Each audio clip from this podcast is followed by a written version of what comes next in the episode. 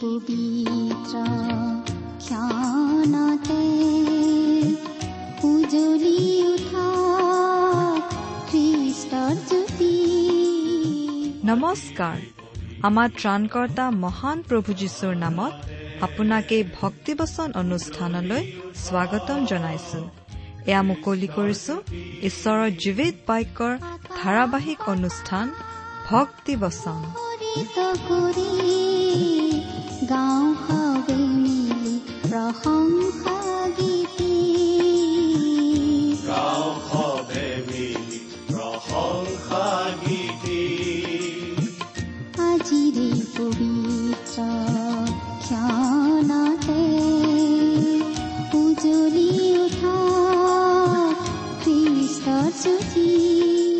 আপোনাৰ জীৱনত যদি শান্তি পাব বিচাৰে তেন্তে এয়া ঈশ্বৰৰ বাক্যৰ সান্তনা বাক্য ভক্তি বচন। আমাৰ পৰম পবিত্ৰ প্ৰভু যীশুখ্ৰীষ্টৰ নামত। নমস্কাৰ প্ৰিয় শ্ৰোতা। আপোনাৰ ভালনে বাৰু? আশা কৰোঁ পৰম পিতা পৰমেশ্বৰে আপোনাক ভালে কুশলে ৰাখিছে। এয়া আকৌ আপোনালোকৰ ওচৰলৈ আহিছোঁ ঈশ্বৰৰ মহান বাক্য বাইবেল শাস্ত্ৰ অধ্যয়নৰ বাবে। এই বাইবেল অধ্যয়নে যুগে যুগে পৃথিৱীৰ বিভিন্ন ঠাইৰ বিভিন্নজনৰ জীৱন সলনি কৰি আহিছে। জীয়াই থকাৰ প্ৰেৰণা যোগাই আহিছে। আমাৰ শ্ৰোতাসকলেও আমালৈ তেনেকুৱা উৎসাহজনক চিঠি প্ৰায়েই লিখে। তাৰ দ্বাৰা আমি উৎসাহিত হওঁ। কাম কৰি যোৱাৰ প্ৰেৰণা পাওঁ। প্ৰিয় শ্ৰোতা আপুনি বাৰু এই অনুষ্ঠান শুনি কেনে পাইছে? অনুগ্ৰহ কৰি আমালৈ লিখি জনাবচোন। আহকচোন আজিৰ বাইবেল অধ্যয়ন আৰম্ভ কৰাৰ আগতে আমাৰ পৰম পিতা পৰমেশ্বৰৰ ওচৰত প্ৰাৰ্থনাত মূৰ্ণত কৰোঁ হওক। আমি প্ৰাৰ্থনা কৰোঁ। হে আমাৰ স্বৰ্গত থকা সৰ্বশক্তিমান সৰ্বব্যাপী সৰ্বজ্ঞানী পিতৃ ঈশ্বৰ তোমাৰ মহান নামৰ ধন্যবাদ কৰোঁ। তুমি মৰমীয়াল দয়ালু কৰুণাময় ঈশ্বৰ। তুমি ন্যায়বান ঈশ্বৰ। তোমাৰ তুলনাত আমি অতি নগণ্য ঘীনলগীয়া পাপী মানুহ মাত্ৰ। তথাপি তুমি আমাক প্ৰেম কৰিলা।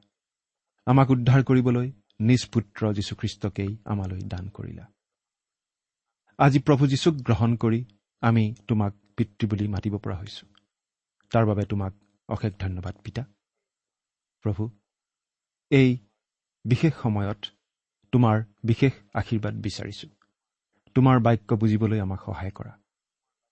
তুমিয়েই আমাক শিকোৱা তুমিয়েই আমাক কথা কোৱা। আমি নিমিত্ত মাত্ৰ। আমাৰ এই অনুষ্ঠান শুনি থকা প্ৰতিজন শ্ৰোতাক তুমি আশীৰ্বাদ কৰা। তেওঁলোকৰ জাগতিক দিশতো তোমাৰ আশীৰ্বাদ প্ৰকাশ পাই উঠিবলৈ দিয়া। আত্মিক জীৱনতো তোমাৰ বিশেষ আশীৰ্বাদ কাৰ্যকৰী কৰা। কিয়নো এই প্ৰাৰ্থনা আমাৰ হকে ক্ৰুচত প্ৰাণ দি তৃতীয় দিনা পুনৰ জি উঠা মৃত্যুঞ্জয় প্ৰভু যীশুখ্ৰীষ্টৰ নামত অৰ্পণ কৰিলো। আহমেন প্ৰিয় শ্ৰোতা আপুনি বাৰু আমাৰ এই ভক্তিবচন অনুষ্ঠান নিয়মিতভাৱে শুনি আছেনে? আমি বাৰু এতিয়া কি অধ্যয়ন কৰি আছো? আপোনাৰ মনত আছেনে? আমি আজি কিছুদিন ধৰি বাইবেলৰ নতুন নিয়ম খণ্ডৰ পিতৰৰ প্ৰথম পত্ৰ বা চমুকৈ প্ৰথম পিতৰ নামৰ পুস্তকখন অধ্যয়ন কৰি আছো নহয়নে বাৰু?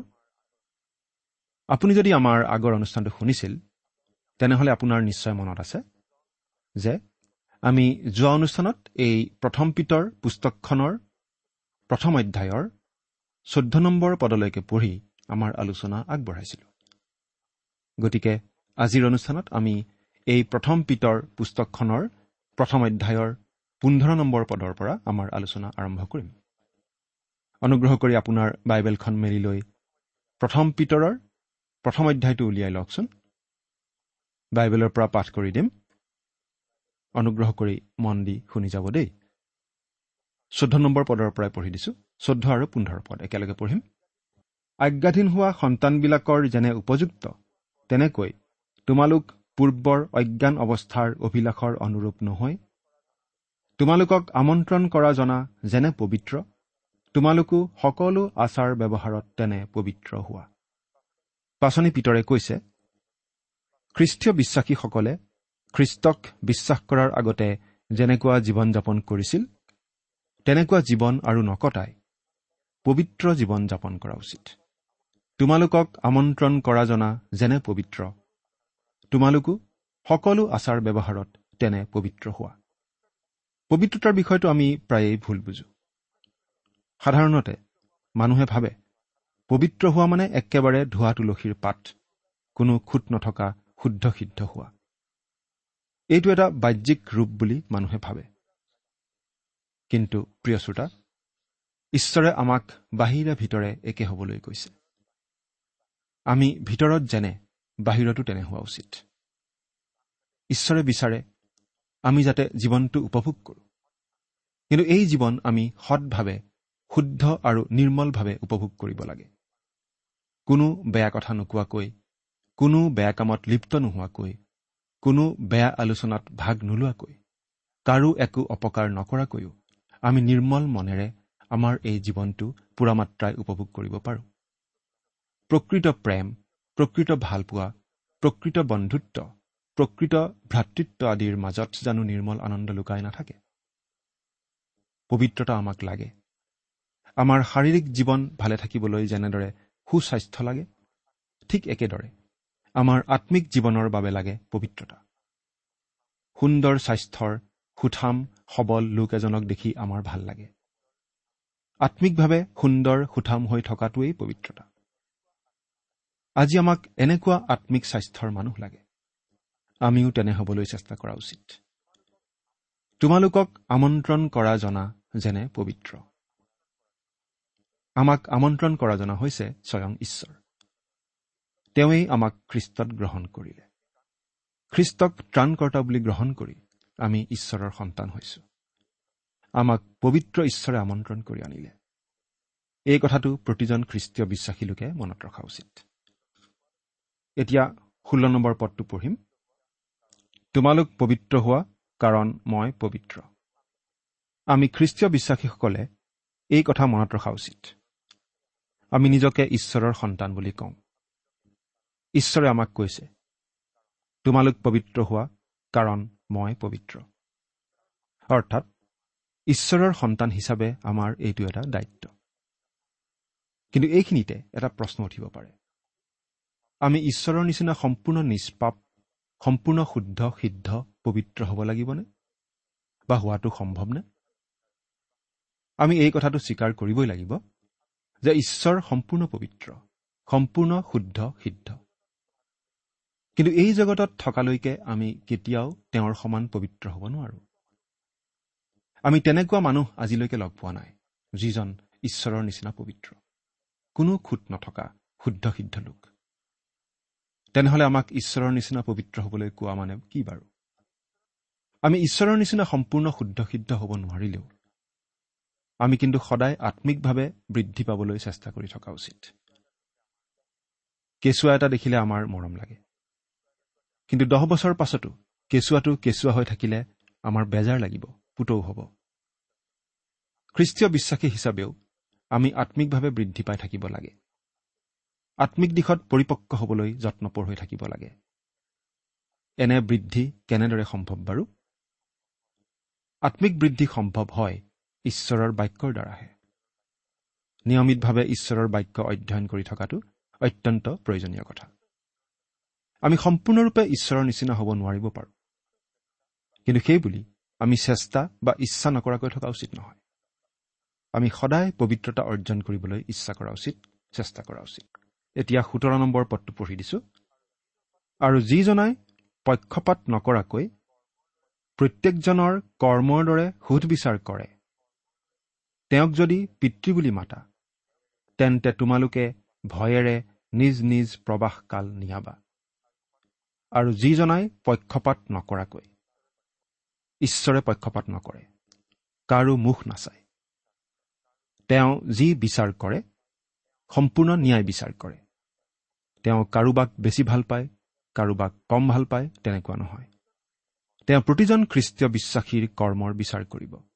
সম্পূৰ্ণ শুদ্ধভাৱে। সম্পূৰ্ণ উচিত ৰূপে। অৱশ্যে এই বিচাৰটো আমাৰ পৰিত্ৰাণৰ সৈতে জড়িত নহয়। আমি আমাৰ কৰ্মৰ দ্বাৰা পৰিত্ৰাণ অৰ্জন নকৰোঁ কৰিব নোৱাৰোঁ। আমি পৰিত্ৰাণ লাভ কৰোঁ ঈশ্বৰৰ অনুগ্ৰহত সম্পূৰ্ণ বিনামূলীয়া দান হিচাপে প্ৰভু যীশুক বিশ্বাস কৰি ত্ৰাণকৰ্তা বুলি গ্ৰহণ কৰাৰ দ্বাৰা। কিন্তু খ্ৰীষ্টীয় বিশ্বাসী হিচাপে আমি পৰিত্ৰাণ লাভ কৰাৰ পাছত এই পৃথিৱীত আমি কেনেদৰে জীৱন কটাওঁ সেই সকলো ঈশ্বৰে বিচাৰ কৰিব। পৰিত্ৰাণ পোৱা লোক হিচাপে আমি স্বৰ্গৰ অনন্ত জীৱনৰ অধিকাৰী হ'ম ঠিকেই। কিন্তু খ্ৰীষ্টীয় বিশ্বাসী হিচাপে জীৱনকালত আমি কি কি কৰিলো তাৰ ভিত্তিত ঈশ্বৰে আমাক পুৰস্কাৰ দিব নাইবা তিৰস্কাৰ কৰিব।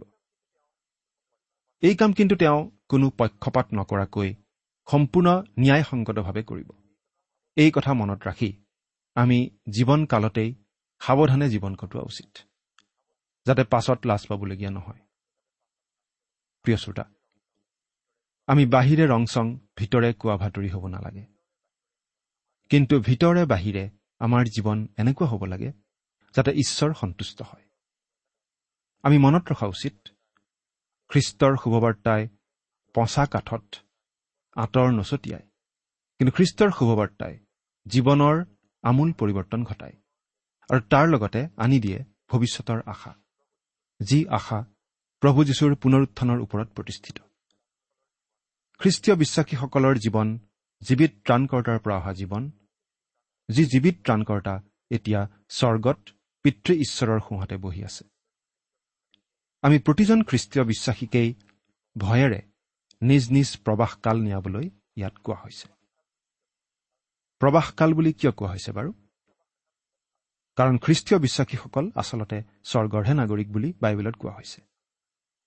এই পৃথিৱীত আমি আচলতে প্ৰবাসী। খ্ৰীষ্টীয় বিশ্বাসীসকল এই পৃথিৱীৰ নহয়। প্ৰভু যীশুৱে শিষ্যসকলক কৈছিল তোমালোক জগতৰ নোহোৱা।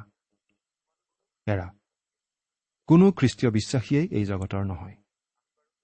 গতিকে আমি বাৰু এই জগতক সন্তুষ্ট কৰিবলৈ জগতৰ মানুহৰ মতে চলিবলৈ কিয় চেষ্টা কৰিব লাগে?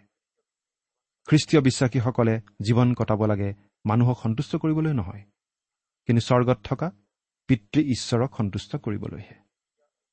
এতিয়া ওঠৰ আৰু ঊনৈছ এই পদ দুটা পঢ়ি দিছো। তোমালোকে জানা যে তোমালোকৰ পূৰ্বপুৰুষৰ পৰা চলি অহা অসাৰ আচাৰ ব্যৱহাৰৰ পৰা তোমালোক সোণ ৰূপ আদি ক্ষয়নীয় বস্তুৰ দ্বাৰাই যে মুক্ত হলা এনে নহয়। নিঘুনি আৰু নিষ্কলংক মেৰ পোৱালী স্বৰূপ খ্ৰীষ্টৰ বহুমূল্য তেজৰ দ্বাৰাইহে মুক্ত হলা। তোমালোকে জানা যে পিতৰে বিভিন্ন ঠাইত সিঁচৰতি হৈ থকা যিহুদী খ্ৰীষ্টীয় বিশ্বাসীক এই কথা কৈছিল। কিন্তু আজি আমি প্ৰতিজন খ্ৰীষ্টীয় বিশ্বাসীয়েও জনা উচিত যে আমি মুক্ত হলো। এই পদকেইটাত ঈশ্বৰে আমাক পৰিত্ৰাণ দিয়াৰ উদ্দেশ্যৰ কথা প্ৰকাশ পাইছে। আমাক মুক্ত কৰিবলৈ উদ্ধাৰ কৰিবলৈকে ঈশ্বৰে পৰিত্ৰাণৰ আঁচনি সিদ্ধ কৰিলে। আমাক মুক্ত কৰিবলৈ তেওঁ এটা মূল্য দিবলগীয়া হ'ল। কাৰণ বাইবেলত কোৱা হৈছে যি প্ৰাণীয়ে পাপ কৰে সি মৰিব। জিহিচকেল ওঠৰ অধ্যায় চাৰি নম্বৰ পদ। এই নিয়মটো ঈশ্বৰে কেতিয়াও নোহোৱা কৰা নাই কাৰণ ঈশ্বৰ সলনি নহয় তেওঁৰ আইনৰো সলনি নহয়। তেওঁ কালি আজি সদা কাললৈকে একেই আছে। আজি মানুহৰ মূল্যবোধ সলনি হৈছে কিন্তু ঈশ্বৰ একেই আছে। ঈশ্বৰৰ আইন একেই আছে। তেওঁ কেতিয়াও সলনি হ'ব নালাগে কাৰণ তেওঁ ভৱিষ্যতৰ কথা আগতেই জানে। ঈশ্বৰ সলনি নহয় তেওঁৰ আইন সলনি নহয় গতিকে পাপৰ বেচ মৃত্যু এই আইনো একেই আছে। গতিকে যিহেতু মানুহ মাত্ৰেই স্বভাৱতে পাপী গতিকে সকলো মানুহ আচলতে মৃত্যুদণ্ডৰ যোগ্য। তোমালোকৰ পূৰ্বপুৰুষৰ পৰা চলি অহা অসাৰ আচাৰ ব্যৱহাৰৰ পৰা। এই জীৱনটোৱেই আচলতে অসাৰ। যেতিয়ালৈকে আমি খ্ৰীষ্টৰ দ্বাৰা মুক্ত নহওঁ। খ্ৰীষ্টৰ যোগে যি মুক্তি সেই মুক্তি লাভ নকৰালৈকে এই মানৱ জীৱন অসাৰ্থক। ঈশ্বৰৰ সৈতে সম্বন্ধ স্থাপন নোহোৱালৈকে মানুহৰ জীৱনৰ কোনো অৰ্থ নাই। কিন্তু মানুহক ঈশ্বৰে মুক্ত কৰিবলৈ নিজে আগবাঢ়ি আহিল। আমাক কোনো ক্ষয়নীয় বস্তুৰ দ্বাৰা মুক্তি দিয়া হোৱা নাই। এই অসাৰ জীৱনৰ বস্তুৰে আমাক মুক্তি দিয়া হোৱা নাই। আচলতে নিজৰ মুক্তিৰ বাবে ঈশ্বৰৰ আগত আগবঢ়াবলৈ মানুহৰ একোৱেই নাই। প্ৰিয় শ্ৰোতা ঈশ্বৰৰ বাৰু কিবা আকাল আছেনে যিটো আমি পূৰণ কৰিব পাৰোঁ? আচলতে আমি কোনো মানুহেই অপৰিহাৰ্য নহয়। আমি কোনো মানুহেই ক'ব নোৱাৰো যে ঈশ্বৰে আমাৰ অবিহনে কাম কৰিব নোৱাৰে। আমি ঈশ্বৰৰ আগত অতি নগণ্য। আমাক যদি ঈশ্বৰে কিবা কামত ব্যৱহাৰ কৰে সেয়াও ঈশ্বৰৰ অনুগ্ৰহ মাত্ৰ। আমাক একেবাৰে ব্যৱহাৰ নকৰাকৈও তেওঁ তেওঁৰ কাম কৰি যাব পাৰে। আমি ইমান নগণ্য যে আমি একোৰেই আমাৰ মুক্তি অৰ্জন কৰিব নোৱাৰো। একো বস্তুৰেই আমি ঈশ্বৰক সন্তুষ্ট কৰিব নোৱাৰো। যদিহে আমাৰ মুক্তিৰ বাবে দিবলগীয়া আমাৰ একো নাই তেনেহ'লে আমাৰ মুক্তি সম্ভৱ হ'ব পাৰে কেনেকৈ? নিঘুনি আৰু নিষ্কলংক মেৰ পোৱালীস্বৰূপ খ্ৰীষ্টৰ বহুমূল্য তেজৰ দ্বাৰাইহে মুক্ত হলা। খ্ৰীষ্টৰ বহুমূলীয়া তেজৰ দ্বাৰাহে আমাৰ মুক্তি সম্ভৱপৰ হ'ল। খ্ৰীষ্টৰ তেজৰ কথাটো আমি কেতিয়াও ওলাই কৰিব নোৱাৰো কিন্তু অতি গুৰুত্ব সহকাৰেহে ল'ব লাগে। খ্ৰীষ্ট আছিল নিঘুনি আৰু নিষ্কলংক। সেই কথা পিতৰে জানিছিল কাৰণ তেওঁ খ্ৰীষ্টৰ লগত সুদীৰ্ঘ তিনি বছৰ কাল কটাবলৈ সুবিধা পাইছিল। প্ৰভু যীশু আছিল সম্পূৰ্ণ নিষ্পাপ পবিত্ৰ। কাৰণ তেওঁ আছিল ঈশপুত্ৰ স্বয়ং ঈশ্বৰ। তেওঁ আহিছিল মানৱক মুক্তি দিবলৈ। তেওঁৰ বহুমূলীয়া তেজৰ দ্বাৰাই আমি মুক্ত হলো। এতিয়া বিছ নম্বৰ পদটো আমি পাঠ কৰি দিম। জগত স্থাপনৰ পূৰ্বৰে পৰা তেওঁক আগেয়ে জনা আছিল। কিন্তু কালৰ শেষত তেওঁ তোমালোকৰ নিমিত্তে প্ৰকাশিত হ'ল। খ্ৰীষ্ট স্বয়ং ঈশ্বৰ। তেওঁ অনাদি অনন্ত। জগত স্থাপনৰ আদিৰে পৰা তেওঁ আছে। কিন্তু তেওঁ তেতিয়া আছিল ঈশ্বৰৰ বাক্যৰূপে। কিন্তু এদিন যে তেওঁ মানৱ ৰূপ ধাৰণ কৰি জন্মগ্ৰহণ কৰি এই পৃথিৱীলৈ আহিব মানুহক মুক্তি দিবলৈ মানুহৰ পৰিত্ৰাণ কৰিবলৈ সেই কথাটো জগত স্থাপনৰ পূৰ্বতেই জানিছিল। কিন্তু তেওঁ আমাৰ বাবে এই যুগত প্ৰকাশিত হ'ল। তেওঁ আহিল কাৰণ আমাক এজন ত্ৰাণকৰ্তাৰ প্ৰয়োজন আছিল। আমাক এজন উদ্ধাৰকৰ্তাৰ প্ৰয়োজন আছিল। কিয়নো আমি কোনো মানুহেই নিজে নিজক উদ্ধাৰ কৰিব নোৱাৰো। সেই সামৰ্থ্য আমাৰ কাৰো নাই। সেইবাবে আমাৰ প্ৰত্যেককে এজন ত্ৰাণকৰ্তাৰ প্ৰয়োজন আছিল। আৰু আমাক ত্ৰাণ কৰিবৰ কাৰণেই আমাক উদ্ধাৰ কৰিবৰ কাৰণেই তেওঁ এই যুগত প্ৰকাশিত হ'ল। কিন্তু তেওঁ যে আহিব সেই কথা আগতেই নিৰূপণ কৰি থোৱা হৈছিল। কিন্তু আমি এই কথা জনা উচিত যে খ্ৰীষ্টৰ ক্ৰুজটো কোনো দুৰ্ঘটনাৰ স্থানলৈ পঠোৱা এম্বুলেঞ্চৰ নিচিনা বস্তু নহয়। মানে কোনো ঠাইত যেতিয়া কিবা এটা দুৰ্ঘটনা ঘটে সেই দুৰ্ঘটনা ঘটা দেখি হঠাতে খবৰ অহাৰ পিছত তালৈ এম্বুলেঞ্চ এখন পঠাই দিয়াৰ নিচিনাকৈ ঈশ্বৰে দুৰ্ঘটনা এটা দেখি প্ৰভু যীশুখ্ৰীষ্টক আমাক উদ্ধাৰ কৰিবলৈ এই পৃথিৱীলৈ পঠাই দিয়া নাছিল। সকলো ঈশ্বৰৰ আঁচনিমতেই ঘটিছিল। আচলতে জগত স্থাপনৰ পূৰ্বৰে পৰা প্ৰভু যীশুখ্ৰীষ্ট ক্ৰুচত হত হৈ আছে। কাৰণ ঈশ্বৰে সকলো সময়তেই জানিছিল যে মানুহক এজন ত্ৰাণকৰ্তাৰ প্ৰয়োজন আৰু মানুহক তেওঁ ইমান প্ৰেম কৰে যে মানুহক উদ্ধাৰ কৰিবলৈ নিজৰ একমাত্ৰ পুত্ৰকেই তেওঁ জগতলৈ পঠালে যাতে তেওঁ বিশ্বাস স্থাপন কৰি জগতে উদ্ধাৰ পাব পাৰে। ক্ৰুচত হত হবৰ কাৰণেই প্ৰভু যীশুখ্ৰীষ্ট এই পৃথিৱীলৈ আহিছিল। তেওঁ আহিছিল। ক্ৰুচত হত হৈছিল। আজিৰ পৰা প্ৰায় দুহেজাৰ বছৰ আগতে। কিন্তু আমি এই কথা পাহৰি যোৱা উচিত নহ'ব যে জগত স্থাপনৰ পূৰ্বৰে পৰাই আচলতে প্ৰভু যীশুখ্ৰীষ্ট ক্ৰুচত হত হৈ আছে। কাৰণ ঈশ্বৰৰ পৰিকল্পনাত সেই কথাটো অনাদিকালৰ পৰাই আছিল। প্ৰভু যীশুখ্ৰীষ্ট ক্ৰুচত হত হ'ব লাগিব মানৱৰ পাপৰ প্ৰায়চিত্ৰ কৰিব লাগিব তেওঁৰ তেজৰ দ্বাৰাই। এই সকলো কথা ঈশ্বৰৰ আঁচনিত আছিল। ঈশ্বৰৰ আঁচনি মতেই প্ৰভু যীশুখ্ৰীষ্ট এনেদৰে আহিছিল আৰু সেয়েহে জগত স্থাপনৰ পূৰ্বৰে পৰা তেওঁ ক্ৰুচত হত হৈ আছে বুলি কোৱা হৈছে। এতিয়া আমি পাঠ কৰি দিম একৈশ নম্বৰ পদটো।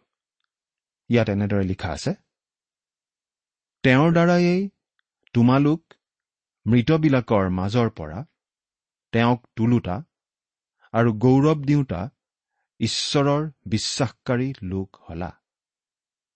তাতে তোমালোকৰ বিশ্বাস আৰু আশা ঈশ্বৰতহে হয়। প্ৰিয় শ্ৰোতা প্ৰভু যীশুখ্ৰীষ্ট মৃতবিলাকৰ মাজৰ পৰা পুনৰুত্থিত হ'ল। তেওঁক পিতৃ ঈশ্বৰে কবৰৰ পৰা তুলিলে। প্ৰভু যীশুখ্ৰীষ্ট আজি কবৰত নাই। প্ৰভু যীশুখ্ৰীষ্টক আজি আমি স্বৰ্গত পিতৃ ঈশ্বৰৰ সোঁহাতে বহি থকা অৱস্থাত দেখা পাওঁ। সকলো গৌৰৱ মহিমা প্ৰভু যীশুকেই দিয়া হৈছে। সেই সকলো প্ৰভু যীশুক দিছে পিতৃ ঈশ্বৰে। আৰু সেই পিতৃ ঈশ্বৰৰ বিশ্বাস আমি পালো প্ৰভু যীশুখ্ৰীষ্টৰ পৰা। প্ৰভু যীশুখ্ৰীষ্টৰ যোগেদিয়েই আমি ঈশ্বৰলৈ আহিব পাৰোঁ। সেয়েহে প্ৰভু যীশুখ্ৰীষ্টই কৈছিল ময়েই বাট সত্য আৰু জীৱন। মোৰ যোগেদি নগলে কোনো মোৰ পিতৃৰ ওচৰলৈ নাযায়। জোহনে লিখা শুভবাৰ্তা চৈধ্য নম্বৰ অধ্যায়ৰ ছয় নম্বৰ পদ। তাতে তোমালোকৰ বিশ্বাস আৰু আশা ঈশ্বৰতহে হয়। প্ৰথমতে তেওঁ কৈছিল অনুগ্ৰহ আৰু আশাৰ কথা। আৰু এতিয়া ইয়াত কৈছে বিশ্বাস আৰু আশাৰ কথা। পাচনি পিতৰে কৈছে আশাৰ কথা। আৰু সেয়েহে পাচনি পিতৰক আশাৰ পাচনি বুলি কোৱা হয়। আৰু আমি এই কথাটো স্পষ্টভাৱে জনা উচিত যে আমাৰ খ্ৰীষ্টীয় বিশ্বাসী হিচাপে আমাৰ আশা নিৰ্ভৰ কৰিছে প্ৰভু যীশুখ্ৰীষ্টৰ ওপৰত। প্ৰভু যীশুখ্ৰীষ্ট যে মৃত্যুঞ্জয়ী তেওঁ যে আমাৰ জীৱন্ত পৰিত্ৰাতা। আমাক লৈ যাবলৈ প্ৰভু যীশুখ্ৰীষ্ট যে এদিন আকৌ আহিব সেই কথাৰ ওপৰতেই আমাৰ আশা প্ৰতিষ্ঠিত। প্ৰভু যীশুখ্ৰীষ্টই কৰি যোৱা প্ৰতিজ্ঞাৰ ওপৰতেই আমাৰ আশা প্ৰতিষ্ঠিত। ঈশ্বৰৰ জীৱন্ত বাক্যৰ ওপৰতেই আমাৰ আশা প্ৰতিষ্ঠিত। বাইশ নম্বৰ পদ। তোমালোকে সত্যৰ আজ্ঞাধীনতাৰে অকপট ভাতৃপ্ৰেমৰ অৰ্থে নিজ নিজ জীৱাত্মা সূচী কৰাত হৃদয়ৰ সহিত পৰস্পৰে আগ্ৰহেৰে প্ৰেম কৰা। ঈশ্বৰৰ আত্মাই অতি আচৰিত ধৰণে আমাৰ হৃদয় আমাৰ বিবেক আমাৰ অন্তৰ সূচী কৰে আৰু অতি আচৰিত ধৰণে আমি শত্ৰুকো প্ৰেম কৰিব পৰা হওঁ। এয়া অলৌকিক কথা। ঈশ্বৰেই এই কামটো সম্ভৱ কৰি তোলে। আমি নিজৰ চেষ্টাৰে আমাৰ মানৱীয় প্ৰকৃতিৰে এই কাম কেতিয়াও কৰিব নোৱাৰো। কিন্তু প্ৰভু যীশুক নিজৰ ত্ৰাণকৰ্তা বুলি বিশ্বাস কৰাৰ পাছত পবিত্ৰ আত্মাৰে নতুন জন্ম লাভ কৰাৰ পাছত আমি প্ৰতিজন খ্ৰীষ্টীয় বিশ্বাসীয়ে পৰস্পৰক অকপটভাৱে প্ৰেম কৰিব পৰা হওঁ আৰু কৰা উচিত। আনকি শত্ৰুকো প্ৰেম কৰিব পৰা আমি হোৱা উচিত। তেইছ নম্বৰ পদ। কিয়নো তোমালোক ক্ষয়নীয় বীজৰ পৰা নহয় অক্ষয় বীজৰ পৰা অৰ্থাৎ ঈশ্বৰৰ জীৱনময় আৰু চিৰস্থায়ী বাক্যৰ দ্বাৰাই পুনৰ্জন্ম পোৱা হৈছে। প্ৰতিজন খ্ৰীষ্টীয় বিশ্বাসীয়ে নতুন জন্ম লাভ কৰে। কিন্তু আমি কোনেও নিজৰ চেষ্টাৰে এই নতুন জন্ম লাভ কৰিব নোৱাৰো। আমি জীৱনময় চিৰস্থায়ী অক্ষয় ঈশ্বৰৰ বাক্যৰ পৰাহে নতুন জন্ম লাভ কৰোঁ। ঈশ্বৰৰ বাক্যই আমাক শিকায় আৰু পবিত্ৰ আত্মাই আমাক দিয়ে নতুন জন্ম আৰু আমি হৈ পৰো ঈশ্বৰৰ সন্তান। চৌব্বিছ আৰু পঁচিছ পদ। কাৰণ মৰ্তমাত্ৰেই তৃণৰ সদৃশ আৰু তাৰ সকলো মৰ্যাদা তৃণৰ ফুলৰ সদৃশ। তৃণ শুকায় আৰু ফুলো সৰে কিন্তু প্ৰভুৰ বাক্য অনন্তকাল থাকে আৰু যি বাক্য তোমালোকৰ আগত প্ৰচাৰ কৰা হ'ল সেয়ে এই বাক্য। এই জগতখন ক্ষণস্থায়ী। আজি আছে কালি নাই। কিন্তু ঈশ্বৰৰ বাক্য অনন্তকলীয়া আৰু সেই বাক্যই সত্য। সেই বাক্যৰ জীৱন্ত ৰূপ হৈছে প্ৰভু যীশুখ্ৰীষ্ট। সেই বাক্য আজি এই মুহূৰ্ততো আমি ঘোষণা কৰি আছো। এই সত্য বাক্যই আজি বাৰু আপোনাৰ হৃদয়ত কেনে প্ৰভাৱ পেলাইছে? আপুনি বাৰু ঈশ্বৰৰ এই চিৰস্থায়ী বাক্য গুৰুত্ব সহকাৰে শুনি সেই বাক্যৰ প্ৰতি বাধ্যতা দেখুৱাই যীচুক গ্ৰহণ কৰিছেনে? ঈশ্বৰে আপোনাক আশীৰ্বাদ কৰক।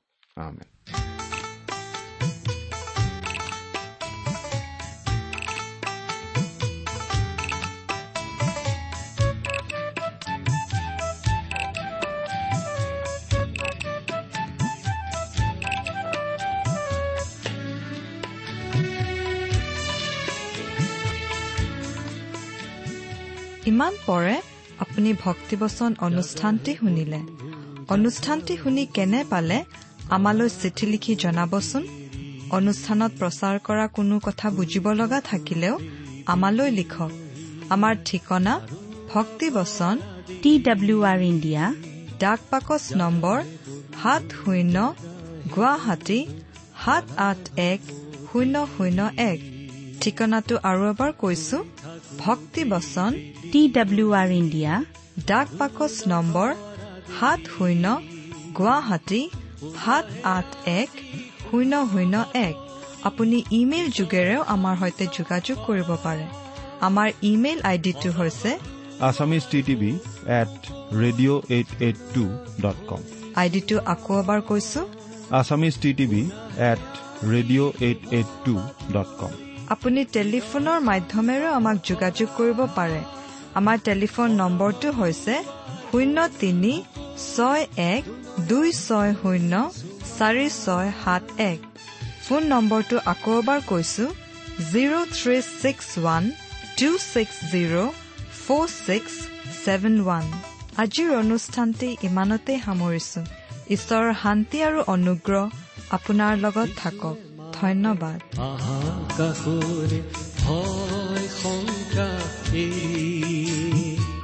অনন্ত জীৱন আছে তেওঁতে আহাসবে আজি দৰি যিচুৱে মাতে আহাকাশলে ভয় শংকা এৰি। অনন্ত জীৱন আছে তেওঁতে আহাসবে আজি দৰি যিচুতে পাবা সুখৰ আধাৰ পাপ অপৰাধ ক্ষমা। তোমাৰ জীৱন আৰু প্ৰাণ তেওঁতে অৰ্পণ কৰা। যিচুতে পাবা সুখৰ আধাৰ পাপ অপৰাধ ক্ষমা। তোমাৰ জীৱন অৰ্পণ কৰা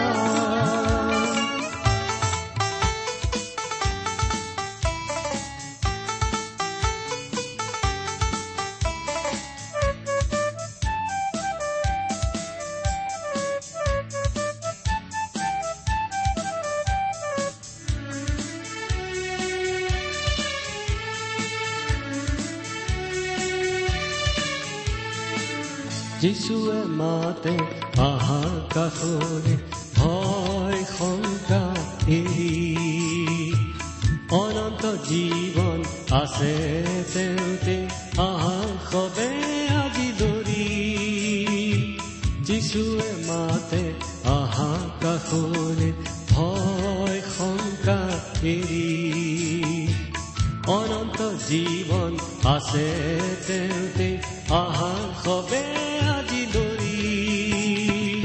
যিচুতে পাবা সুখৰ আধাৰ পাপ অপৰাধ ক্ষমা তোমাৰ জীৱন আৰু প্ৰাণ অৰ্পণ কৰা যিচুতে